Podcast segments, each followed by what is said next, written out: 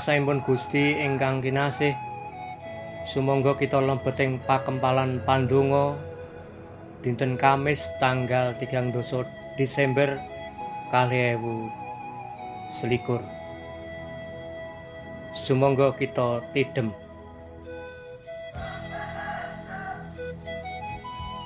Mugi sih rahmatipun Gusti Allah tumrao mring kita sedaya. Pasaipun Gusti ingkang kinasih sumangga kita sareng-sareng ngluhuraken asmanipun Gusti. Saking kidung pasamuan Jawi kalih songolas padha setunggal lan kalih. Dawekta kanca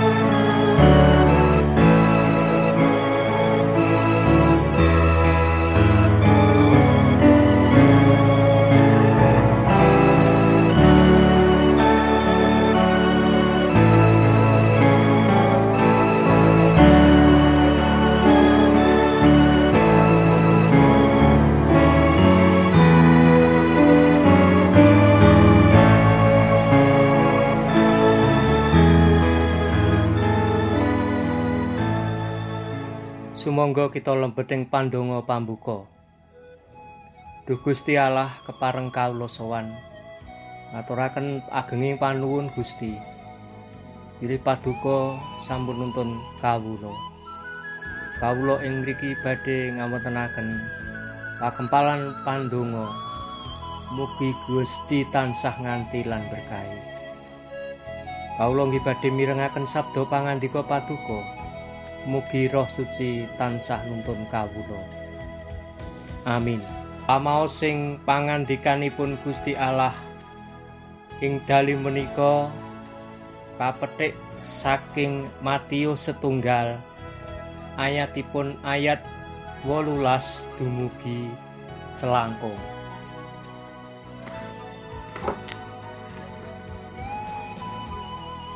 Ana dene miyose Gusti Yesus Kristus iku sejarahe mangkene. Nalika Maryam kang ibu lagi pacangan karo Yusuf. Sadurunge tunggal sapaturon. Tinemu wus ngandhek marga saka Sang Roh Suci. Sarehne Yusuf bojone iku wong mursid sarta ora gelem mirangake Maryam ana ing ngarepe wong akeh. Mulane sumadya medhot pepacangane kanthi sideman. Nanging bareng lagi duwe gagasan mangkono iku, tumuli ana malakating pangeran ngatingal sajroning pangimpen. Dawuhe, "He Yusuf, kedake Daud, Aja sumelang anggonmu ngepek Maryam dadi bojomu. Awit putra kang kabobotake iku marga saka Roh Suci.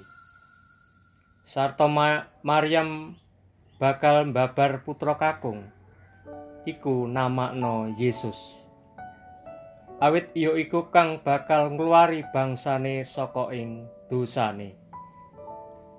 Bab iku anggone kalakon supaya kayektenana apa kang kapangandikaake dening pangeran? Lumantar nabi mangkene. Lah sang kenya bakal garbini sarta mbabar putra kakung.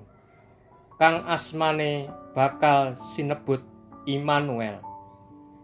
Tegese Gusti Allah nunggil kalawan kita. Yusuf satangine turu banjur ngestokake kaya kang didhawuhake dening malakating pangeran. Maryam dipek bojo. Nanging ora diwori turu. Nganti tumekane wis babar putra kang banjur dinamakake Yesus.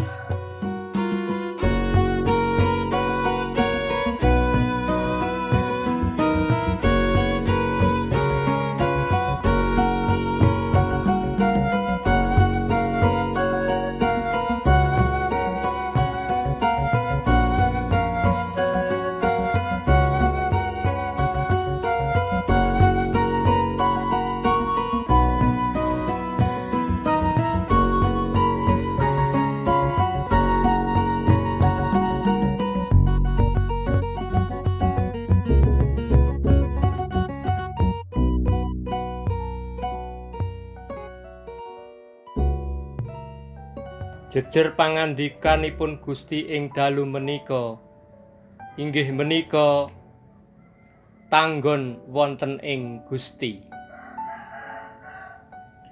Boten saben perkawis saged karampungaken salebeting sadinten lan boten saben perkawis saged karampungaken piyambakan.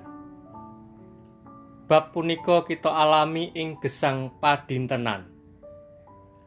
Contonipun ingkang pinanggih ing masyarakat inggih punika sesarengan nanggulangi sumbering virus COVID-19 lumantar vaksinasi. Vaksin ingkang badhe kaparengaken kangge sedaya warganing nagari tinanggapan kanthi maneka warni. Sikep saking masyarakat. Wonten ingkang pitados, wonten ugi ingkang boten pitados. Ing wiwitaning taun 2021, Yayasan Lembaga Konsumen Indonesia nganggep bilih sikep rakyat ingkang boten pitados dhateng vaksin tasih inggil. Ingkang dados panjurung inggih punika olaing pawarta ingkang awon.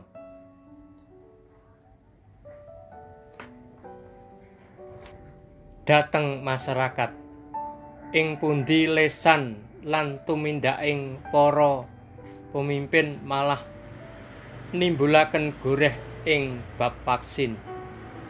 Wonten ingkang nampik vaksin karana vaksin boten saged dipun pitados wonten ingkang nampi tanpa ngudi kayektenaning bab punika saged dipun pinitados. Wonten ingkang boten sabar sarana wedal vaksinasi. Wonten ingkang mendel lan boten peduli punapa badhe dipun vaksin punapa boten saklebeting gesang kanthi pitados dumateng Gusti Allah. Raos ajrih boten pitados minangka kasunyatan ing gesangipun manungsa ing sadaya wedal. Kosok wangsulipun wantun lumampah lan pitados punika dados sikep kapitadosan utawi iman ingkang boten gampil. Nanging neng semaken. Inggih punika sikep gesang ingkang dipun kersakaken dening Gusti Allah. Kados pundi menggahing kita. Sikep iman ingkang kados pundi ingkang kita darbeni ing tengahing wedal ingkang tasih lumampah. Mbok menawi ing tengahing raos ajrik miyar miyuring kapitadosan. Samtum tentu kemawon. Gesanging iman kawarna dening maneka warni kawontenan. Wonten pitakenan ageng inggih punika. Dateng sinten kita badhe masrahaken raos pitados ing swasana ingkang miyar miyur. Ajrih lan tintrim punika Saking waosan Injil kita manggihaken bilih pawartos ngingingi Immanuel kelampahan ing kawontenan ingkang ajrih sanget.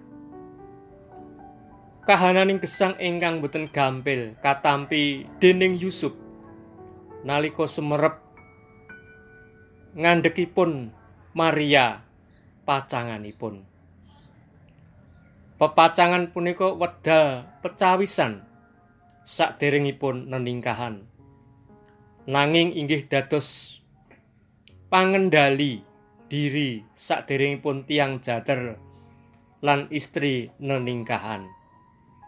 Ing adat pakulinan Yahudi senerat bilih tiang-tiang ingkang tumindak nyeleweng saged kapidono pejah.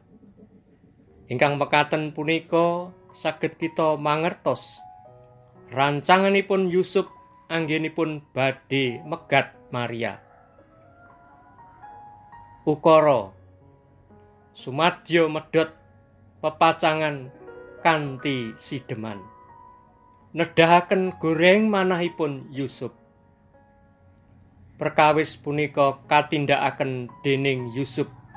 Awit piyambakipun mangertos kados pundi ajrihipun? Tiang ingkang nglanggar peranatan tatanan masyarakat. Yusuf.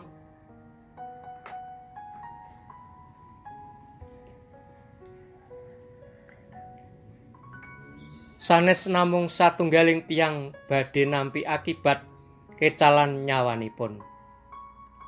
Maria inggih saged ngalami ingkang langkung grantes malih. Minangka tiang istri, Maria saged nampeni pidana langkung aurat. Sejatenipun Yusuf saged nilaraken Maria lan ngendhalenaken Maria nanggel akibat pidono saking masyarakat jalaran anggenipun ngandhep. Nanging sedaya punika boten dipun tindakaken dening Yusuf. Sak sampunipun Yusuf nampeni pangimpen ingkang dadosaken manahipun padang. Wonten ing pangimpenipun Yusuf nampi dawuh saking malaikat menawi anak ingkang wonten ing guwa garbanipun Maria saking roh suci. Putra ingkang kinandhut punika badhe milujengaken jagat. Panjenenganipun badhe kasebat Immanuel ingkang tegesipun. Gusti Allah nunggil kalawan kita. Saking riku jumedul wonten ewa-ewahan nalaripun Yusuf.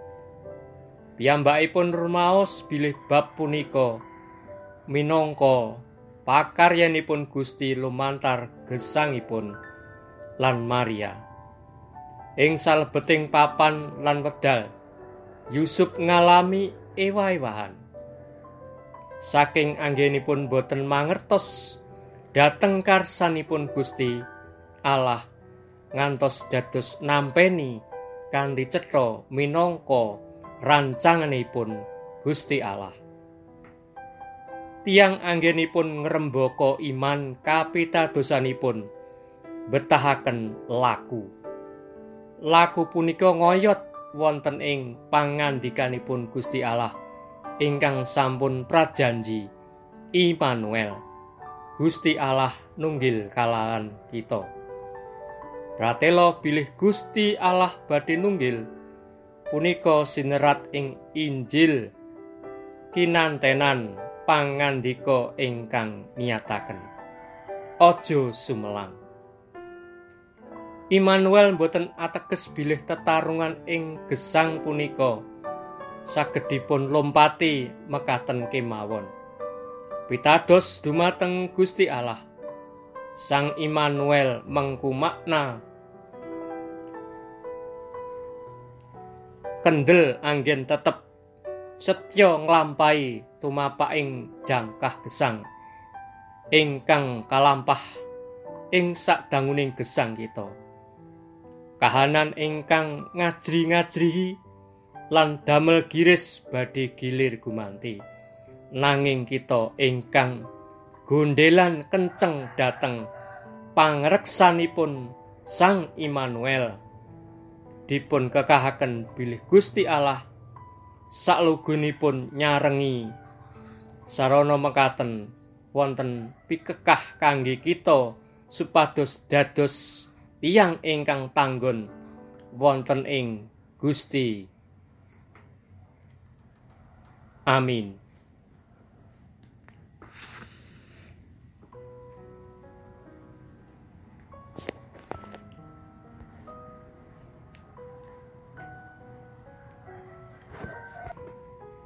Sumangga kita lempeting pandonga. Duh Gusti Allah Rama kawula. Pangandika paduka Duh Gusti. Ngatak dumateng gesang kawula. Supados kawula saged nulat kados pundi Yusuf lan Ibu Maria. Anggenipun nampi kanugrahan saking Gusti. pun tanggon gondeli kapitadosanipun dumateng Gusti. Pangandika paduka menika saestu ngatak dumateng kawula du Gusti wontening saklebeting karingkian. Gusti tansah nganti lan berkahi. Kepareng ing dalu menika duh Gusti kawula ndongaaken pasamuan kagungan paduka mirungganipun ing kekacitanon paduka tansah berkahi ngayomi lan nuntun sedaya warganing pasamuan. Menawi ingkang sakit paduka sarasaken ingkang kekirangan paduka paringana kacekapan. Ingkang sisah paduka paringana panglipuran. Duh Gusti kalondongaaken tumrap program-program GKJ Tanon ingkang sampun katata mugi Gusti tansah nganti lan nuntun sedaya program ingkang sampun karancang. Kadosta pemanggilan pendeta ndamelaken griya emeritus lan renovasi gedung gereja. Kawula pitados wonten ing ngarsa paduka Gusti badhe nulungi lan berkahi sademah sedaya kelampahan menika. Awit saking karso paduka. Duh Gusti ing pedal-pedal menika Duh Gusti bakal calon pendeta sampun lumebet ing masa orientasi. Paduka kanthi paduka paringana kesagetan lumampahipun bakal calon pandito. Sedaya atur panuwun pandonga kawula ingkang tebih saking kasampurnan menika. Mugi paduka paringana jangkep.